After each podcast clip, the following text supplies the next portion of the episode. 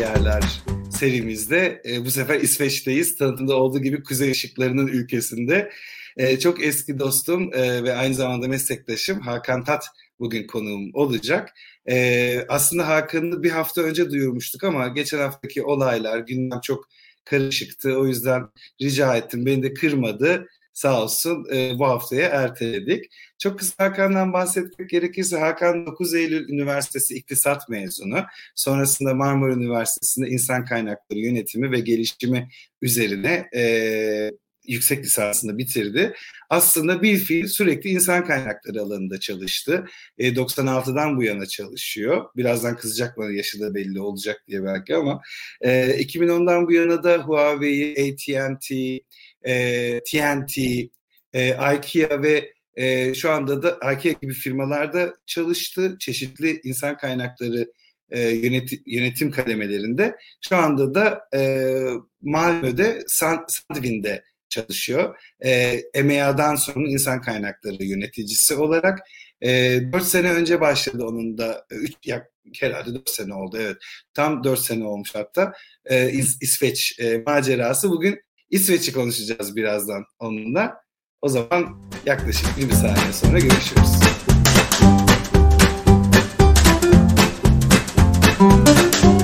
Hakan hoş geldin. Hoş bulduk Bülent'ciğim. Kar var mı kar? var bu hafta. Normalde pek olmuyor ama var.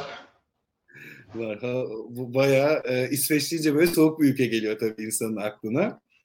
Evet evet aslında İsveç'e dair kafadaki resim genelde böyle karlıdır, buzludur, biraz karanlık, depresiftir.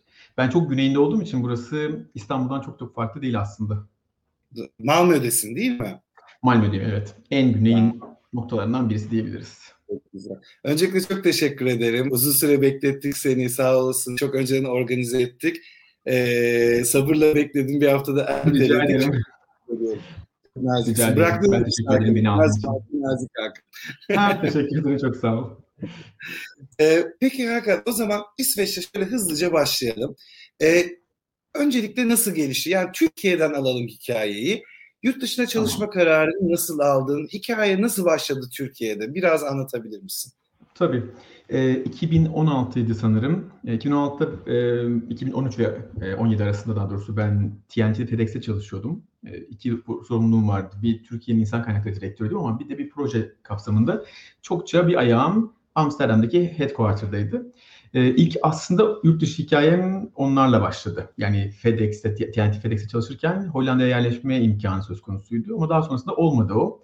Ben de çok yükselmiştim açıkçası Hollanda'da yaşamaya başlayacağım. İşte Amsterdam, artık Amsterdam ev bakar hale gelmiştim o derece yükselince. E, heves orada başladı. Sonra o hevesi baktım ki TNT'de yapamıyorum. Orada bir satın alma süreci oldu. İşte iki şirket birleşti. Kafamdaki e, kararı biraz sabbatical'a doğru çevirdim. Yani iş hayatında galiba o zaman 20 küsur yılda çalışıyordum. Ve de bir ara versem aslında şöyle bir, bir yıl çalışmasam ne yapsam kendimi daha iyi hissederim diye düşünmüştüm. O zaman Tayland'a yerleşmeye karar verdim. Aslında gidip bir adada biraz inzivai bir hayat yaşayayım istedim bir ay, bir yıl boyunca. Ama öyle olmadı. Birden e, karşıma çok güzel bir iş fırsatı çıktı. IKEA'da, IKEA'nın lojistik tarafında global insan kaynakları yöneticiliği pozisyonu vardı. Ve açıkçası kaçırılmayacak bir fırsat gibi gözüküyordu. Ve onu değerlendirdim. Birden yol önce Amsterdam sonra Tayland derken birdenbire İsveç'te buldum kendimi. Peki. Ee, yani aslında bir transfer olmadı. Ee, evet. Başka bir şirketten teklif alıp gittin. Peki şimdi en hani şey zurnanın zırt dediği yer nasıldır ya insanlar yurt dışına e, kafalarını döndürdüklerinde nasıl e, gidiliyor? Yani e, ne yaptın, ne ettin hani hep o sorulur. Sen de mesela böyle oturdun e, LinkedIn'den ya da işte o ülkenin ulusal kariyer portallarından iş mi aramaya başladın? Nasıl oluştu o hikayenin o kısmı? O süreç çok oluşmadı açıkçası bende. Yani aktif iş arama süreci çok oluşmadı. Planladım ama aksiyona geçme e, geçmedim çünkü o benim B planımdı. E, benim ilk adımım işte TNT ile Amsterdam'daki pozisyonu %100 e, pozisyon hale getirmek. Yani artık tamamen Amsterdam'da olmak üzerineydi. Dolayısıyla ben şirket içerisindeki görüşmelerimi, mentorlarımla diyaloglarımı arttırarak açıkçası ilerletmiştim. Sonrasında TNT kanalı gitmeyecek gibi gözükmeye başlayınca B planım bir iş ararım diyorum ama oradan ben sabbatical'a biraz tatile yönlendiğim için o da olmadı. E, IKEA çok planlanmadık bir şekilde karşıma çıktı. Çok sevdiğim bir arkadaşım IKEA çalışanıydı. Türkiye'de IKEA'da çalışıyordu ve headquarter'a terfiyle gidiyordu. Ve o da e, çok güzel bir pozisyon var.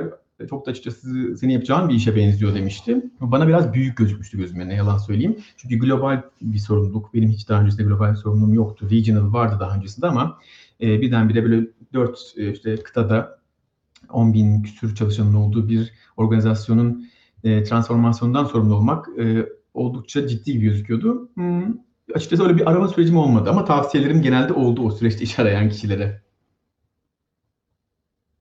Bülent galiba ben senin sesini almıyorum şu anda. Par pardon, nutta kalmış. Biraz network, biraz da referans aracıyla e, oldu o zaman. Evet. Yani. Tam anlamıyla öyle. E, aslında tecrübelendikten sonra da, daha çok öyle gelişiyor zaten değil mi? Böyle ilana başvuru evet. bu falan.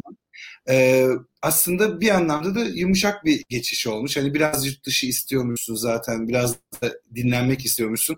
O 20 yılda bir geliyor galiba. Ben de böyle 18. yılda falan falan deyip böyle küçük küçük kurumsalcıklar kusmadan önce Bir de benim tabii şöyle bir şans tarafım e, vardı. Peki, İsveç benim için uzak bir yer değildi. Çünkü Ericsson'da çalışmıştım daha öncesinde. Orada bir e, bölgesel sorumluluğum vardı. Ve headquarter e, e, Ericsson için yine İsveç. Gelip gitmişliğim çoktu. Dolayısıyla biliyordum biraz burada kültür nasıl, iş kültürü nasıl, ülkeye dair fikrim vardı. Daha da kolaylaştı açıkçası o süreç. Anladım. Ha, şimdi aslında çok güzel bir yere geldin. Tam da şeyi soracaktım. Biraz bir biliyordun ama böyle öncesinde kes, işte karar verildi, teklif geldi, kabul ettin, taşınacaksın. Ee, İsveç'e gitmeden önce ne tür araştırmalar, hazırlıklar yaptın? İş hayatı olabilir, genel hayat olabilir. Yani böyle bir hazırlık evreni oldu mu İsveç'ten önce? Ee, evet, yani ben açıkçası İsveç'e odaklanmamıştım. İsveç'i çok seviyordum. Ee, biliyordum da İsveç'te yaşam nasıl bir parça. O kadar çok e, odaklanmadığım için orada bir iş arayayım, İsveç'teki firmaları tanıyayım diye bir derinleşmemişti benim araştırmam. Ama ne zaman ki artık IKEA ile görüşmeye başladım zaten bunların açıkçası hepsi 8-9 gün içerisinde bitti. Yani ilk görüşme, ikinci görüşme, sonra bir Matrix görüşmesi, işte bir on-site bir şey ağırlıyorlar. 2-3 gün işte İsveç'te. E, onların hepsini, hepsi bir 10 gün içerisinde oldu. Dolayısıyla o 10 gün herhalde günü işte 45 saat gibi geçti benim için. Çünkü bir yandan çalışıyorum, bir yandan iki görüşüyorum, bir yandan da e, hem uzakta hem de oradayken bu orada yaşam nasıl olur araştırmaya çalışıyordum. Yaptığım şeyler daha çok e, ben orada mutlu olabilir miyim? E, işi çok bağımsız tutmuşum da yani ülke, bir ülkede yaşayan birisi olarak kendime yeni bir chapter açabilir miyim hayatımda? Bir ona bakmaya çalışmıştım. Bir de açıkçası çok yüksek bir, bir şey farkındalığım vardı hayatımda 40'ları yaş- sonra ne yapmak istiyorum? Nasıl bir e, ülkede yaşamak istiyorum? Etrafındaki insanların nasıl dünya görüşü olsun istiyorum? Bunlara dair kafamda çok net resimler vardı. Onları hızlı bir e, check'ten geçirdim, kontrolden geçirdim orada. E, bir noktada cost of living'e baktım. Yani e, her şey yolunda gider ve bir teklif karşıma çıkarsa ben nasıl bir rakam duyarsam benim için bu ülkede e, survive edilir. Çünkü açıkçası şey değildi. Yani hiçbir işte ifini ücret kapsamında değerlendirmemişim sadece ama orası da en nihayetinde yaşayabilmek için bakmam gereken bir alandı. E, hepsi çok rahatlıkla internette ulaşabildiğim şeylerdi. Birkaç İsveç'e gitmiş, orada yaşamış kişiyle önceden tanıştım. E, benden ben tabii sadece kısa kısa zamanlar kaldım İsveç'te o zamana kadar. Hmm. Uzun süre kalmış kişilerin biraz tecrübelerini dinledim. E, o kadar böyle sıra dışı olumluydu ki bir parça sanki böyle onları hani o, o şurada da yüzüyordu yani o olumluluk. Onu aşağı çekesim gelmiş. Yani o derece olumluydu. O tabii çok büyük bir özgüven verdi. Yani karar aşamasına gelindiğinde benim artık çok sorgulayacak bir şeyim kalmamıştı. Bunun gibi gelişti süreç.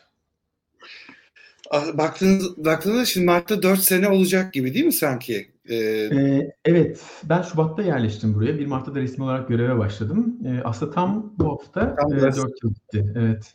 Çok güzel. Peki e, tabii arada 4 sene çok uzun bir süre arada yeni bir şirkete transfer oldu falan onlardan da bahsedeceğiz de e, böyle ilk gittiğinde ya ben İsveç'te kalırım ya da işte artık hani benim adresim Avrupa başka ülkelerde olur ya da Türkiye'ye dönerim. Nasıl ilk başta e, hayallerin ya da amacın şimdi nasıl neye evrildi? Biraz onlardan bahsedebilir misin? Tabii.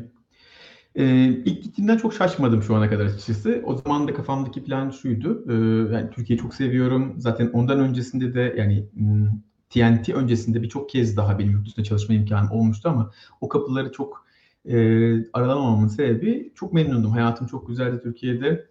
Herhangi bir faktör yoktu açıkçası dışarı düşünmek için. Sonrasında işte başlayınca e, iş arayışı ve İsveç'te geliş, gelişmeye başlayınca kafamdaki plan şu oldu. Ben ülkemin dışında ikinci bir vatan yaratabilir miyim kendime? Yani başka bir yerde bir süre kariyer sebepli yaşayayım. Hem bambaşka bir e, Hakan yaratırım. Kendi, kendimin başka bir versiyonunu yaratırım belki orada diye düşünmüştüm. E, ama belli vadede yine Türkiye'ye dönerim. Özellikle emeklilik hayallerine dönerim diye düşünmüştüm. Bu hala sabit. Arada sadece birkaç dalgalanmam oldu. O da özellikle IKEA'da çalışırken ve şu anki çalıştığım şirkette Sandmine'da da çalıştığım kuruluşta yine bir terfi gibi bir süreçten geçtim işe başladıktan kısa bir süre sonrasında ve orada o pozisyon maalesef Amerika bazlıydı. Oraya gidip gitmeme gibi bir e, süreç, hmm. bir düşünme süreci oldu. Keza Ikea'dayken de yine başka bir pozisyonla ilgili Şangay'da e, iş oluşma imkanı vardı. Bunlar kafamda küçük dalgalar oluşturdu. Belki İsveç benim ikinci bazım yani birinci bazım Türkiye, ikinci bazım İsveç ve buradayken de başka birkaç ülkeye gidip yine etkinliklerimi çeşitlendirebilmek için, iş için, iş sebebiyle başka yerlerde yaşayıp geri dönebilirim. Ve 50'sinden sonra da tamamen artık e, Türkiye'ye dönerim gibi hayaller kuruyorum. Ondan çok sapmadım yani ana plandan. çok güzel. Ee, çünkü gerçekten 4 sene uzun süre. Ben de hani ben de aslında çok yakın zamanla ya ben senden biraz daha geç. Ee, aynı senenin Temmuz'unda da ben e, şeye taşındım. E, evet, İngiltere'ye.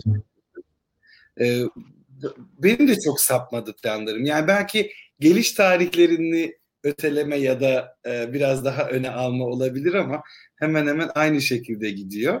E, peki şimdi çok bambaşka bir çalışma kültüründen bahsediyoruz. Tabii ben böyle seni anlatırken cahice Sandvin dedim ama Sandvine diye okunuyor galiba. Şu anda. Sandvine konusu. Bu arada hatırlat lütfen e, izleyicilerden soru sormak isteyen e, olursa, e, yorum yapmak isteyen olursa e, şey yapsın, e, yorumlar kısmına e, yazabilir. Hem YouTube'dan hem de LinkedIn'den anında görüyoruz. E, böyle güzel yayınlar, yayın dilekleri geliyor. Onları da görüyorum. Çok teşekkür ederim. E, Hakan bir sonraki sorum e, şu olsun sana. Şimdi e, çok farklı iki çalışma. Ya, önce şunu sorayım. Ne iş yapıyorsun? Yani Sandvine'ın e, faaliyet alanı ne? E, sen bir ilk yöneticisi olarak neler yapıyorsun? Biraz bahsedebilir misin? Tabii. Sandvine'dan bahsedeyim bir parça. Sandvine bir global şirket telekomünikasyon alanında faaliyet gösteriyor. Yaptığımız iş daha çok ya telekomun yazılım tarafı. Hani operatör bir tarafı, altyapı hizmetleri tarafı bir tarafta integratör gibi düşünürsek biz daha çok e, software tarafında yapay zeka bazlı çalışıyoruz. E, dünyanın dört kıtasında ofislerimiz, çalışanlarımız var. Benim iki sorumluluğum var burada. E, sorumluluğum bir tanesi IMEA aracından yani Avrupa, Middle East, Afrika bölgesinin İK'sından sorumluyum. E, bir yandan da işte bu tabii ki bunu tek başıma yapmıyorum. Burada yine ekip var, arkadaşlarımla beraber çalışıyoruz. E, bir taraftan da ikinci assignment görevimde e, bizim bir business unitimiz var. O business unitinde global İK'sından sorumluyum. İki pozisyonu yürütüyorum. Çok güzel. Um, bu İK tarafını o yüzden çok seviyorum. İK gibi çok fonksiyon da var böyle ama çok e, transfer edilebilir yetkinlikler ve tecrübeler. Yani sen Türkiye'de de birçok global markada çalıştın. Dolayısıyla e, belki şey kısmında, tecrübe kısmında bir sıkıntı yaşamadın ama ben şeyi merak ediyorum aslında başta. Özellikle iş hayatıyla başlayayım. IKEA'da çalışmaya başladın. Orada evet. e, İsveç'teyken böyle yaşadın ama İsveç özelinde, iş özelinde değil de zorluklar oldu mu? Ya İsveçliler ne yapıyor? Muhtemelen çok multikültürel bir ortam vardır. Yani sadece İsveçliler yoktur ama e, böyle şey yüzüne çarpıyor ya ben onu Vodafone'da da yaşadım. Hani in, Türkiye'de de bir global kurumda çalışıyordum ama yüzde doksanı şeydi, Türktü. E, bu evet. yaşadığım zorlukları çok merak ettim orada ilk aşamada. Hı hı yani çok çarpıcı şeyler vardı ama çok zorluk gibi düşünüyorum. Aslında bir iki küçük ufak şey var. Çok büyük zorluklar değiller kesinlikle. Dediğin çok doğru. İnanılmaz uluslararası bir atmosferde, bir ortamdı. E, Ikea'nın hep merkezinde çalışıyordum ben. E, burada tabii Ikea'yı hep genelde bir e, mobilya firması veyahut da bir perakende firması olarak biliriz ki ben de açıkçası dışarıdayken yani adayken kafamda şey diye düşünmüştüm Hani ben perakende sektöründe ne yapabilirim? Niye arkadaşım acaba benim buraya fit ettiğimi düşündü diyordum. Halbuki aslında IKEA biz dışarıdan tüketici olarak baktığımızda bir mobilya firması ya da bir perakende firması ama e, özünde iş yapış şekli ve e, backbone'unda bir lojistik firmasıymış. Ben bunun içine girdikten sonra öğrendim. Tamamen tedarik zinciri. Yani %70'inden fazlası operasyonun tedarik zinciri. Bir, aslında onu söylemek istedim. Çünkü e, bir Ikea'yı çok iyi yani bilmeyen kişiler için bu belki iyi bir tanıtım olabilir. İçeride de e, headquarter'a geldi ve orada gördüğüm profillerin en, yani çok ciddi bir kısmı yabancıydı. Yani İsveçli daha az da diyebilirim merkezde. E, çok güzeldi. Bir de Ikea'nın kendi e, özgün bir kültürü var. İnan, tam case study olacak bir şirket. İnanılmaz güçlü bir kültürü ve değerleri var. Ve işe alımlar değer bazlı yapılıyor zaten. Dolayısıyla bir, bunu böyle bir tarikat gibi veyahut da bir society gibi düşünebilirsin. Yani e, dahil oluyorsun ve ayrıldığında dahi aslında hala oranın izlerini taşıyorsun gibi bir şey olabilir. E, ilk karşılaştığım zorluk şuydu. var yani demek. Yani bu tam böyle... Çok pardon duyamadım. Bir daha söyler misin? Güçlü bir şirket kültürü var demek. Tam böyle community oh. culture'ı yaratmış inanılmaz güçlü. Ee, Ikea'da çok uzun süre kalan kişilerin zaten Ikea dışında mutsuz olma ihtimalleri yüksek olduğuna dair şey, şey söylentiler vardır. Yani giden geri döner derler. Ee, benim ilk karşılaştığım zorluklardan bir tanesi şuydu. Ikea öncesindeki iş dinamizmi oldukça yüksek sektörel çalışmıştım. Yani böyle delivery'nin çok çabuk olduğu, işte kendim de biraz mizaç olarak öyleyim. Yani bir şeye başlayayım hemen bitireyim, tez canlılık vardır, hızlı olsun her şey isterim. Ikea'nın kültüründe mesela öyle ve İsveç genelinde de aslında biraz daha şey var, relaxed bir mod var. Hmm, daha fazla düşünme, daha fazla planlama, daha az aksiyon gibi bir kısım var. Dolayısıyla work-life balance da bundan nasibini alıyor. Yani dörtte mesai bitiyorsa dördü bir geçe birisine mail atmak e, doğru bir şey olmayabiliyor. Benim kafam mesela ilk etapta hemen entegre olmadı açıkçası. Yani ben ilk işe başladığım gün e, benim için öğrenme curve'ü çok dikti. Dolayısıyla bambaşka bir kültür, bambaşka bir şirket, e, bir de çok büyük bir sorumluluk o aldım düşünmüştüm. Dolayısıyla da öğrenmek için eldeki tüm kaynakları kullanmaya başladım. Gece onlara kadar falan çalışıyordum. İlk etapta zorlandığım şey şuydu. Yöneticim aralarda bir hatırlatıyordu. Saat alttan sonra lütfen mail atma. Çünkü e, çalışma, görüyorum çalışıyorsun o saatlerde. E, bu doğru değil, işte uzun soluklu olmamız lazım, kısa süre sonra işte burnout olursan ben nasıl başa çıkarım bununla gibi çok e, e, endişeliydi benim için. Ben o e, endişe mesajlarını çok anlamamışım ilk başta. Ben çalışırım ya, beni 12, gece 12'ye kadar çalışsam ne olacak ki diye içimden düşünüyordum. Çünkü öyle düzenden geldiğim için yıllardır ee, burada mesela tabii beklentiyi ona göre set ediyorsun. Yani yönetici olarak da ben kendi ekibimden beklentim saat 5'ten 5'te mesai bitiyor mesela. Ki 5'ten sonrasında e, çalışmasınlar, kendilerine ve evlerine vakit ayırsınlar veya özellikleri varsa diye. E, bu mesela bizim ülkemizde o kadar dilendirilen bir şey değilmiş. Onu fark ettim. Yani ben 22 yılda çalışıyordum gelmeden önce şeye. 21 yılda çalışıyordum yani Türkiye'de. Benim için akşam 8'de bir mail cevaplamak veya da sabah 6.30'da e, çalışmaya başlamak hiçbir şeydi. Ama burada o büyük bir şeymiş. E, biraz daha internasyonel ortama girmenin getirdiği bir öğreti oldu benim için bu. Evet yani bizde çok çalışmak hep takdir görür ya. E, hani sonuç ne olursa olsun. Evet. Hani çok çalış da ne, e, yani sonucuna bakarız ama orada şey de çok ilgincime geldi. Yani ben İngiltere'de pek onu hissetmedim mesela. O relax kültür yani Hani daha çok planlama, e, zamana bırakma, daha az aksiyon. Ama hani ekonomisi en iyi ülkelerden biri olduğuna göre e, bir şeyler biliyorlar demek ki. Tabii. Bir de burada şöyle bir şey var. Mesela bu da bir challenge. Şimdi konuş, seni dinlerken aklıma geldi aslında. Ee, kendi ekibimde bir direktör gibi bir pozisyon vardı ve oraya içeriden bir yeteneği bulup veya dışarıdan veya içeriden bir şekilde bir, bir yetenek bulup e, terfi ettirmem lazım veya da doldurmam lazım o pozisyonu. Şunu fark ettim. İsveç'te e, biraz da bir bu sosyal devlet olma getirdiği bir şey sanırım. İnsanlar terfi ettiklerinde çok büyük maaş artışları almıyorlar. Çünkü zaten işte bir doktor bir doktorla bir pizzacıda çalışan kişi arasında korkunç maaş uçurumları yok. Yani gelir anlamında daha dar bir e, makastan bahsediyoruz. Dolayısıyla bir kişi e, şu anda bir bireysel katılımcıyken yani bir ekip yönetmiyorken buradan e, terfi edip bir ekip yönetim sorumluluğuna geldiğinde o kadar istekli olmayabiliyor. Bu tabi bunu İsveç özelinde söylüyorum veya İsveç'te yaşayanlar özelinde söylüyorum. Çünkü e, örnek veriyorum 250 euro maaş artışı gibi bir şeyle yönetici olmayı kişi istemeyebiliyor. Çünkü o zaman diyecek ki Ben günde haftada 4 gün çalışıyorum. Çünkü burada çok yaygın bir şey günde haftanın 4 gün çalışmak. Ama yönetici olursam çok büyük ihtimalle benden 5 gün çalışmak istenebilir. Veyahut da işin kapsamı gereği, e, sorumluluk bilinci gereği belki daha fazla e, çalışıyor olmam gerekebilir endişesiyle e, pro, şey terfi redleri almıştık. Almıştım daha doğrusu.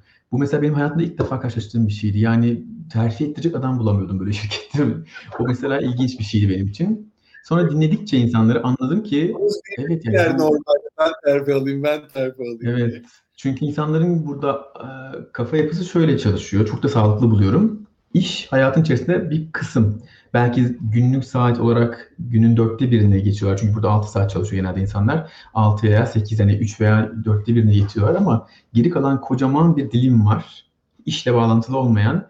Neden sadece dörtte bir gibi olan kısımdan dolayı ben e, hayatın diğer kısımlarından feragat edeyim veya tüm rengini değiştireyim hayatımın diye bakıyorlar. İnanılmaz sağlıklı ve uzun soluklu bir düşünce şekli olarak gördüm ben bunu. Çok yani farklı. Kendimi uygulayamadım o başka mesele tabii.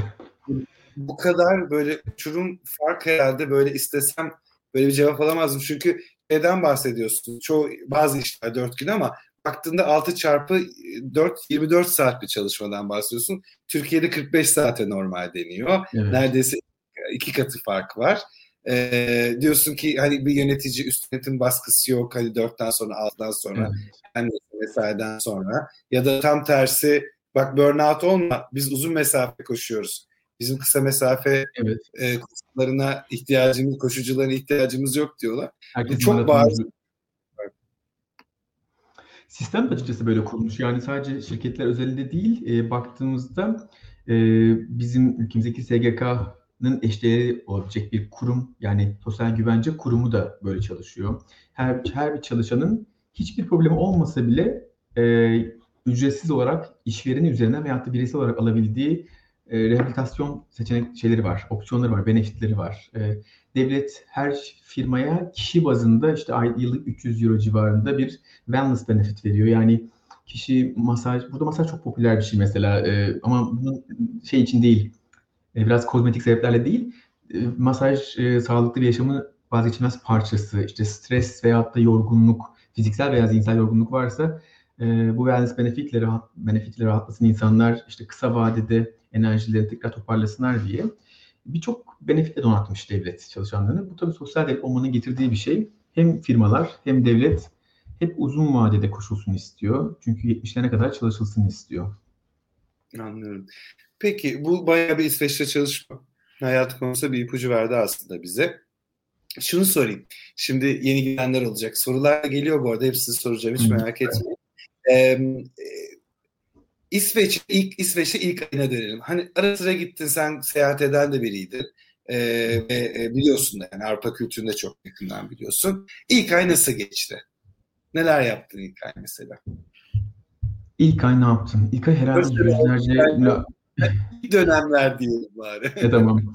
Ee, ilk zamanlar, ilk üç ayım... Çok biliyoruz, onu söyledim biraz önce. Evet, çılgınca toplantı yaptım. E, çünkü sıfırdan bir organizasyon kuruyordum aslında ondan dolayı işle ilgili. Ama iş dışında konuşmak gerekirse e, küçük bir kasabaydı benim yaşadığım yer. İKEA'nın merkezi bir büyük şehirde değil, küçük bir kasabada İKEA'nın kurulduğu yer Elmhult ismiyle.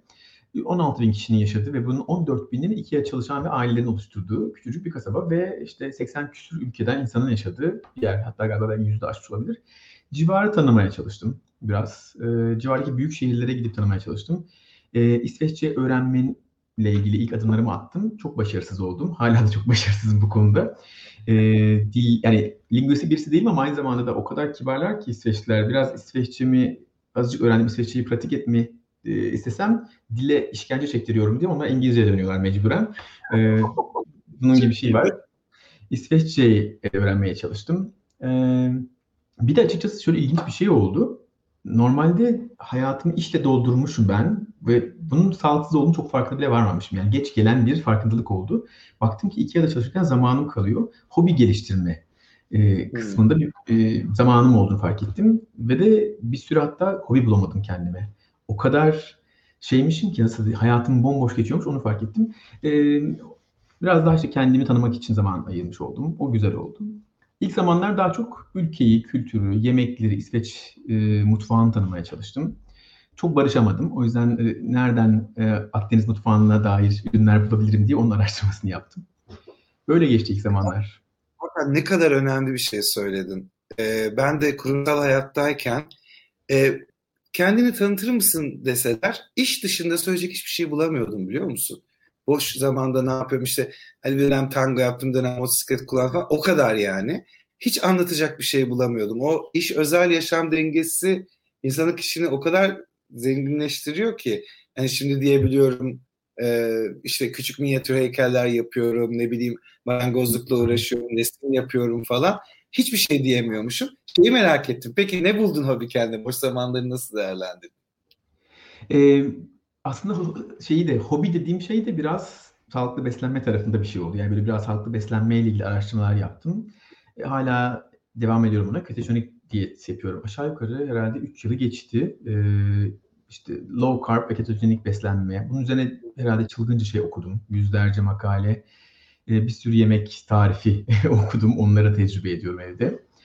Kitap okumaya vakit ayırmam, ayırmadım fark ettim. Yani bir sürü film, bir sürü kitap hep beklemiş yıllarca. Yani az okuyan birisiydim ben maalesef. Yani okuma sayfalarımın yüzde 15'i belki kişisel okumam içindi. Ama %85 hep HR, işte white paper'lar, bir öyle bilimsel şeyim vardı. Bir de ben öncesinde de e, fizik okumuştum. Yani bilim okuyup bundan sonra ekonomi okumuştum. Dolayısıyla o bilimle ilgili taraftan dolayı hmm, orası fazla oturmuş. Yanlış şeyler okuyormuşum gibi gibiydi. Hayatımı renklendirmiyordum. Yani birisi bana dese ki Hakan kendi hayatının rengi, e, resmini yaptı. Ben böyle herhalde lacivert bir kare, dikdörtgen falan çizecektim gibi gözüküyordu. Şimdi ufak pembeler, morlar, sarılar e, koymaya çalışıyorum. E, okuma, biraz yoga, e, biraz da e, ketojenik beslenme gibi ilgi alanları oluşturdum. Hobi demiyorum ama ilgi alanları oluşturdum kendime. Peki, e, İsviçre'de bir Türk diasporası var mı? Nasıl Türkler e, çalışma alanı bulabiliyorlar mı kendilerine? Evet, İsveç'te oldukça bir Türk grubu var. Burada çeşitli gruplarla gelmişler. Ee, burada çok ciddi bir Konyalı var bu arada. İlginç bir şey. Ben bunun hikayesi tabii 2009'dan Ericsson'a çalışırkenden bilirim. E, Konya'nın Kulu diye bir küçük kasabası var. Eskiden bir köymüş, şimdi kasaba, e, park ilçe. E, 1965'lerde falan başlayan bir, bir kişinin oraya göç olarak e, etmesi ve işçi olarak gelmesiyle daha sonrasında o Çorapköy gibi gelmiş. E şimdi bugün e, Konya Kulu'da burada seçim olunca Konya Kulu'da sandık açılıyor. E, İsveç'in Fahri Konsolosluğu'nun e, başkentler dışında bulunduğu tek yer Dolayısıyla bayağı bir Konya Kul'dan e, memleketliğimiz var burada diyebilirim. Ben İzmirliyim ama Konya Kul'u görünce çok mutlu oluyorum burada. Çünkü bir, bana göre bir efsaneyi temsil ediyor onlar. E, 80'lerde 90'larda çok gelen olmuş. E, politik göçle gelenler olan çok var. E, bir de işte 90'ların sonları, 2000'lerin başlarından itibaren de beyaz yaka e, geliş, ekspertler gelmişler. Benim çalıştığım dönemde sadece IKEA her ay aşağı yukarı bir e, 4-5 Türk getiriyordu e, diyebilirim. E, bayağı bir e, talep görüyor. Biraz da buranın ekonomisi hala büyüyor ve beyaz yaka dış güce çok ihtiyacı olduğu için e, hala da gelen var. Var. Ee, biraz sorular da o yönde aslında. Ee, ben genel olarak şeyi soracaktım. Ee, Anıl Hayat şöyle bir soru sormuş. Podcast dinleyicilerim içinde okuyayım. İyi yayınlar dilerim. Üst düzey yönetici pozisyonuna şirketler adaya sponsor oluyorlar. Fakat aynı durum orta düzey yöneticilerde nasıl işliyor demiş. Ben soruyu şöyle de geliştirebilirim. Ee, mesela İngiltere hala e, İngiltere devleti e, İngiltere şirketlerinden sponsor olmasını istiyor yurt dışından birini getirilmesi gerekiyor. Onun adına başvuruluyor. Yani sponsorluğun ne, de, ne olduğunu bilmeyenler için bir şirketin senin için orada çalışma iznine başvurması. Ee, İsveç'te sponsorluk arıyor mu? Ee, devlet yurt dışından iş gücü gelmesiyle ilgili herhangi bir destek sağlıyor mu? Bildiğin kadarıyla bize anlatabilir misin? Tabii. Bu konuda aslında bil, oldukça bilgim var diyebilirim. Çünkü yaptığım işlerden bir tanesi.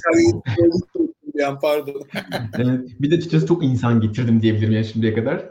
E, halihazırda 4-5 tane var relocation yönettiğimiz. E, şöyle diyebilirim. İsveç eğer bir Avrupa Birliği pasaportunuz yoksa herhangi bir Avrupa Birliği üyesi ülke üzerinden e, hep istiyor. Yani bir çalışma izni ve oturma izni başvurmak için sponsorluk istiyor bir kurum aracılığıyla.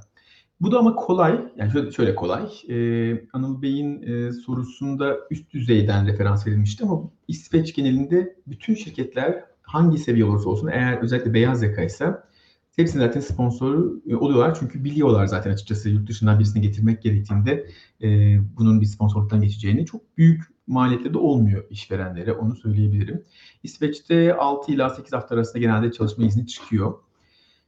Covid'in başlarında bir parça sekteye uğramış ama daha hemen çok kısa sürede toparladılar onu ve iyi e, yürüyen bir süreç. Burada çok ciddi bir yabancı iş gücü var. Hazır konu buraya gelmişken bundan bahsedeyim biraz. İsveç'te çok böyle Türkiye gibi büyüyen bir ekonomi belki yok ama yani bir emerging market değil fakat yine de küçük ve anlamlı bir oranda büyüyor ekonomi. Ee, çalışan olarak da beyaz yaka iş gücüne hala dışarıdan ihtiyaç duyan bir ülke. Yani burada yabancılar var beyaz yaka olarak çalışan çokça ama hala Avrupa Birliği dışından da e, getiriyor İsveç. E, bu anlamda bazen çok uzak gelebilir acaba İsveç dilde bana niye ihtiyaç duyuyorsun İsveç diye düşünebilir aday olmak isteyenler. E, o anlamda umut var. Yani şöyle ki e, büyüyen ekonomi anlamında baktığımda ben Nordiklerin tamamını açıkçası bu anlamda şanslı görüyorum. Yani Türkiye'den bir kişi Avrupa'da ben iş aramak istiyorum dediğinde benim şahsi listeme Nordiklerin tamamı artı Hollanda girer. E, çünkü buralarda hala e, yurt dışından beyaz yaka iş gücünü getirmeyle ilgili bir pratik var ve ihtiyaç var. Ee, çok güzel bir şey söyledi yine. Çok linkliyorum kendi tecrübelerimle de. Ben de İngiltere'ye gitmeden önce İngiltere beni ne yapsın derdim mesela. Hani ya da Avrupa Birliği ülkelerinin ya da İngiltere'nin çok kapalı olduğunu düşünürdüm ama gerçekten iş gücüne her yerde şey var, e, ihtiyaç var. Ama tabii ki derecelerine göre de zorlu olabiliyor. Yani e, çalıştığın sektöre, tecrübe seviyene, evet. e, yabancı dil yine e, ülkeden ülkeye çok değişebiliyor. Sıkı araştırmak lazım. E, şimdi bir sorudan yola çıkarak e, aslında bunu biraz spesifik olarak da sormak istiyorum. Ee, Mehmet Bey İsveç'te çalışma hayatına nasıl ve nereden başlayabiliriz demiş. Aslında e, biraz önce hani senin örneğin üzerine anlattık bunu ama gerçekten İsveç'te çalışmayı kafaya koymuş biri e, 101 ne yapmalı sence?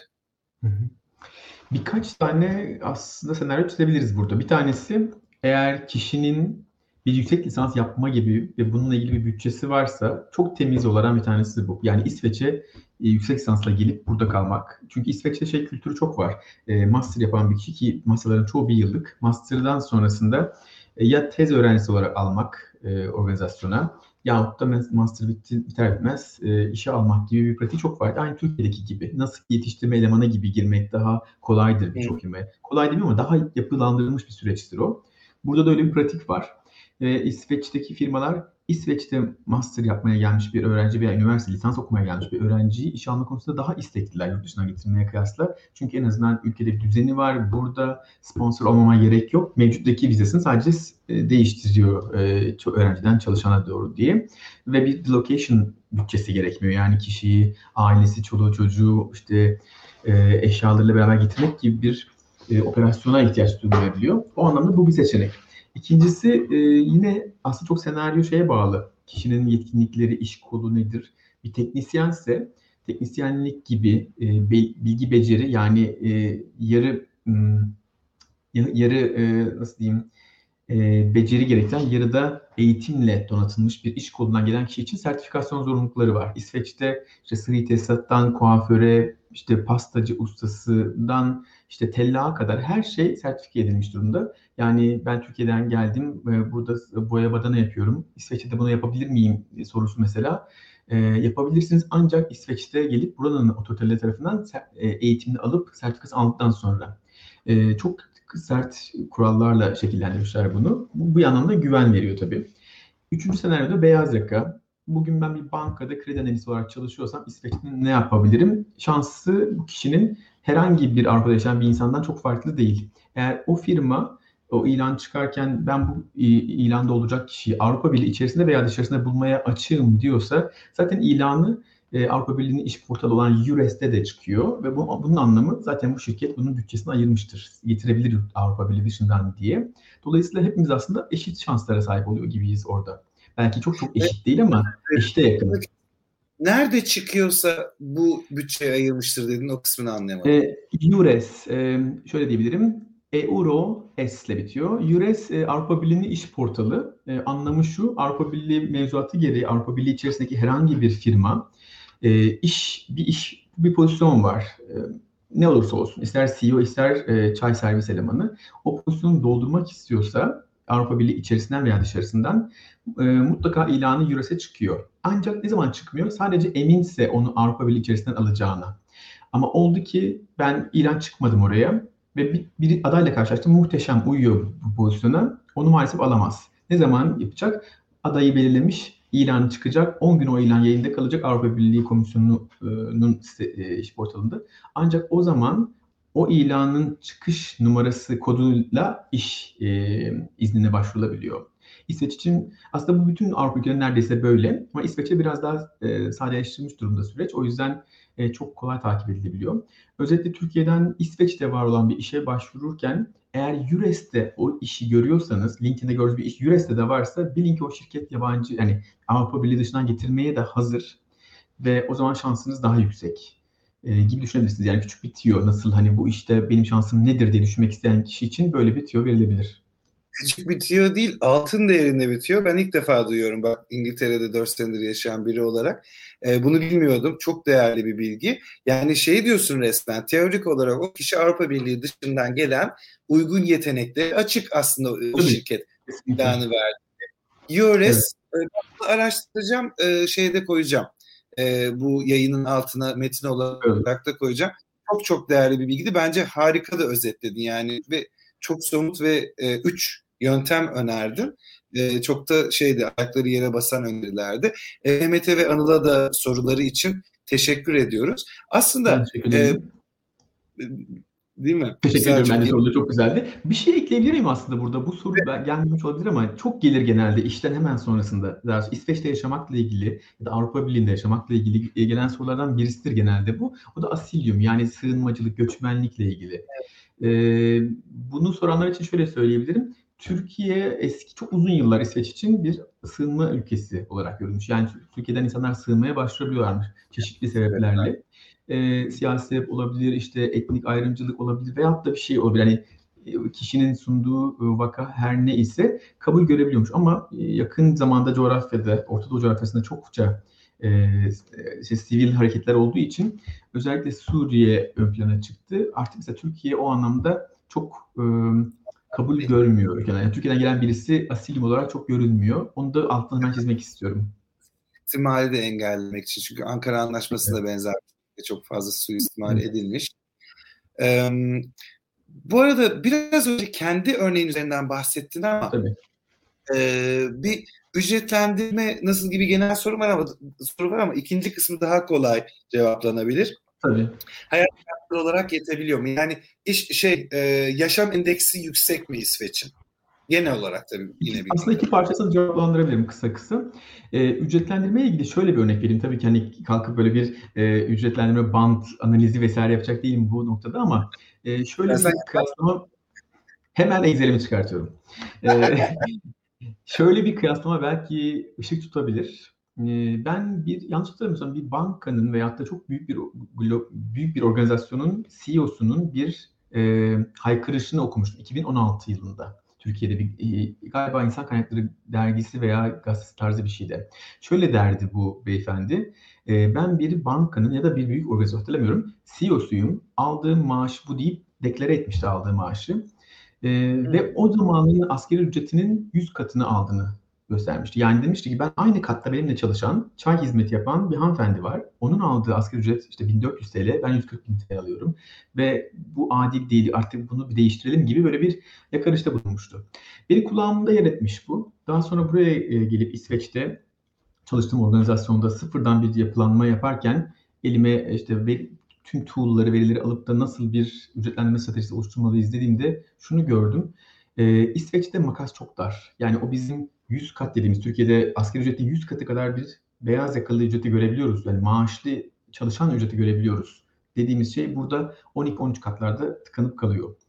Ee, bunun bir dezavantajını biraz önce o promotion yani terfi ettirememek durumu olarak görebiliyoruz iş, işveren tarafında ama diğer taraftan da e, çok sağlıklı bir şey ortaya çıkardığını gördüm. E, gençler lise çağlarındaki özellikle meslek seçerken maaşa göre veya bu çok iyi para kazanır diye seçmiyorlar. herkes kalbinin sesini dinliyor. Çünkü diş teknisyeni olmakla diş doktoru olmak arasında çok büyük bir para yok. Veyahut da ben bartender olacağım, e, işte barista olacağım diyen birisi orayı takip edebilir. Onun da eğitim var üstüne üstlük almak isterse. Bu anlamda ücretlendirme anlamında e, şey yok. Çok büyük makaslar görmezsiniz. E, hayat endeks anlamında da İsveç ve genel olarak Nordikler çok pahalı bilinirler. Bunun cevabı hem evet hem hayır. E, turist olarak geldiğinizde evet tabii ki de pahalı. Çünkü bizim ülkemizde paramızın değeri o kadar yüksek değil e, Euro'ya kıyasla. Burada İsveç'te e, İsveç kronu kullanılıyor, SEK para birimi. E, Euro'nun onda biri gibi düşünebilirsiniz.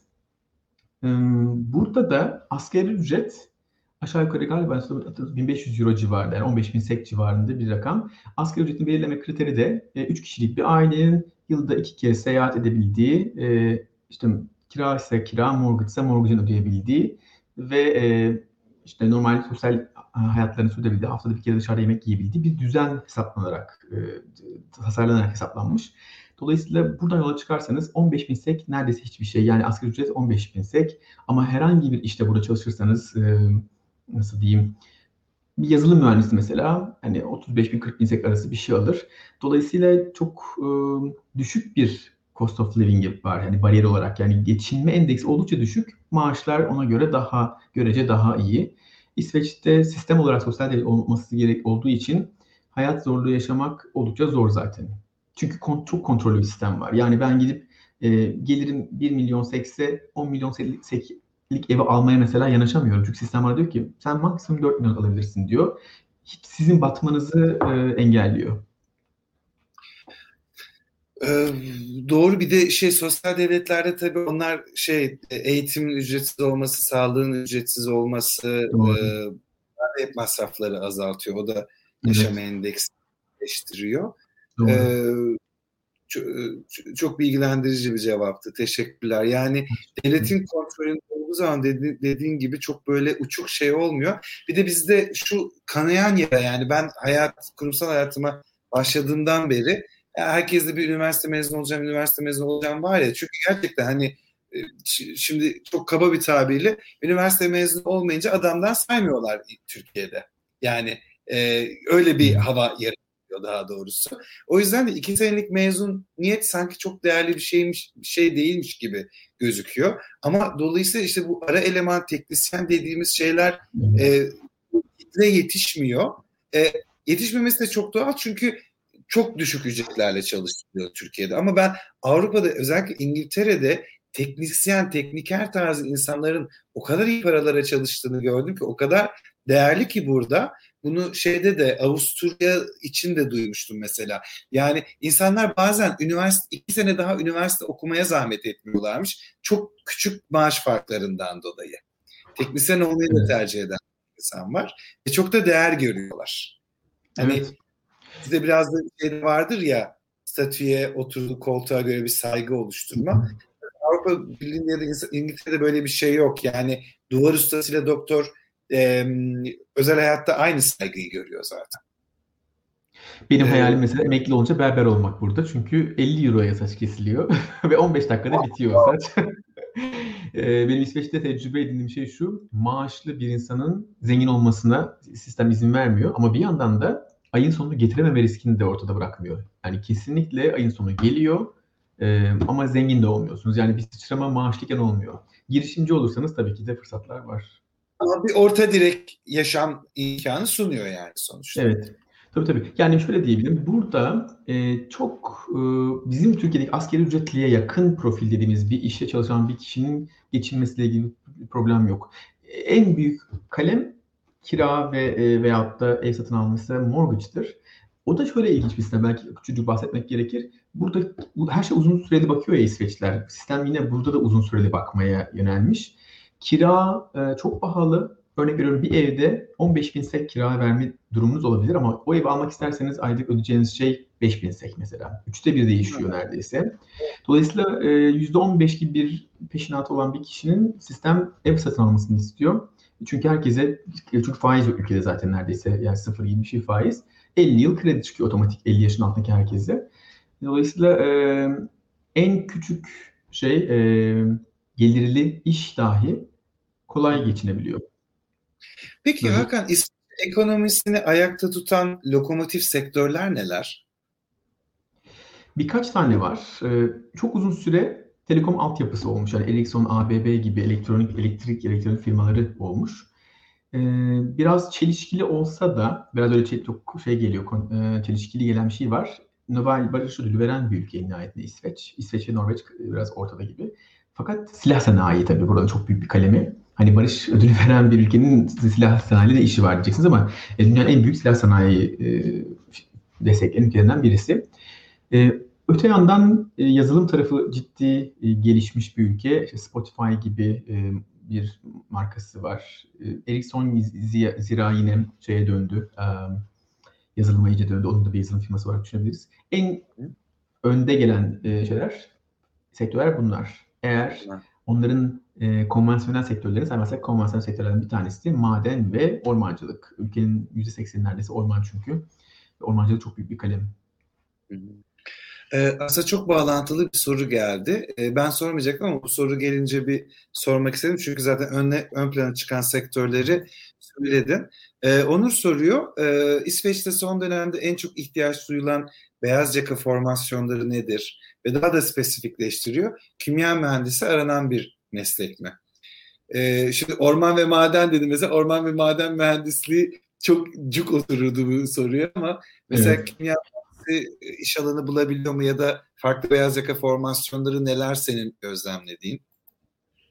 E, kimya mühendisliği özelinde açıkçası çok cevap vermem belki doğru olmayabilir çünkü bil, bildiğim sektör değil. O konuda yanlış yönlendirmek istemem. Ama çok büyük oyuncular var. E, mesela Tetra Pak bir İsveç firması oldukça büyük bir oyuncu. E, yani on binlerce çalışanı var ve büyüyen de bir organizasyon.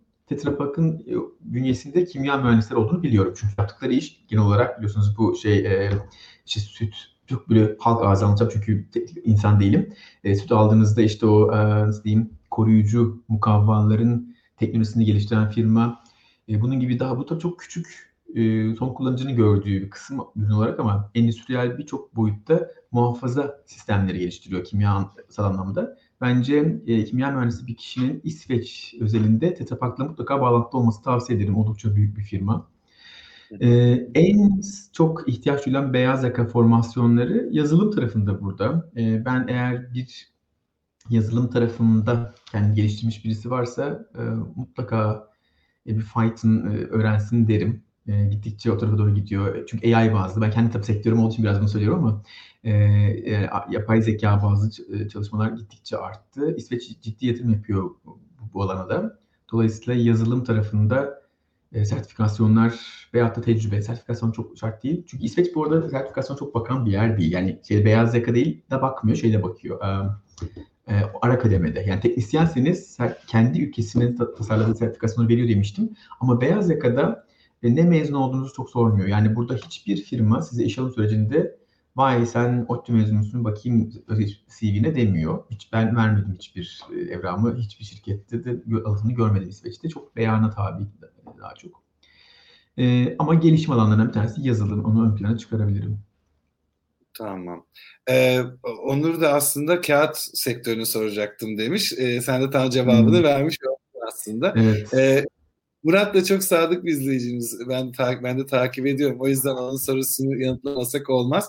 Makine mühendisi için soracaktım ben demiş ama şimdi silah sanayinden bahsettin. Mutlaka ihtiyaçları var makine mühendisine bolca. Evet, e, ağır sanayisi gelişmiş bir ülke. Hala da e, gelişiyor. Covid bir parça belki bu ağır sanayi ve konvansiyonel sektörleri ufaktan sekteye uğratmış olabilir ama birçok firmanın hala ben hem LinkedIn'de görüyorum ilanlarını hem de yine buradaki meslektaşlarımın network için bağlantıya geçtiğini görüyorum. E, çokça lokal, global ve aynı zamanda lokal bölgesel firmaları var. Yani markası lokal ama global. E, makine mühendisleri için böyle bir çırpıda şu şirket diyemeyebilirim.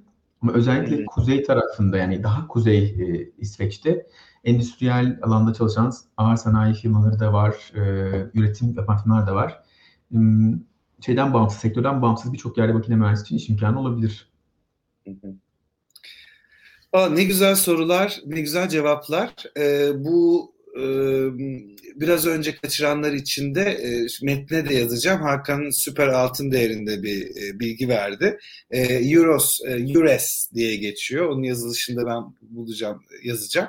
E, burada Avrupa Birliği tabi ülkelerin hepsi planlarını ortak verdikleri bir portal bu. Özellikle de Avrupa Birliği dışından birilerini arıyorlarsa yani onlara da açıklarsa e, bu portaldan takip edilebilir. Ben de bundan sonra herkese önereceğim.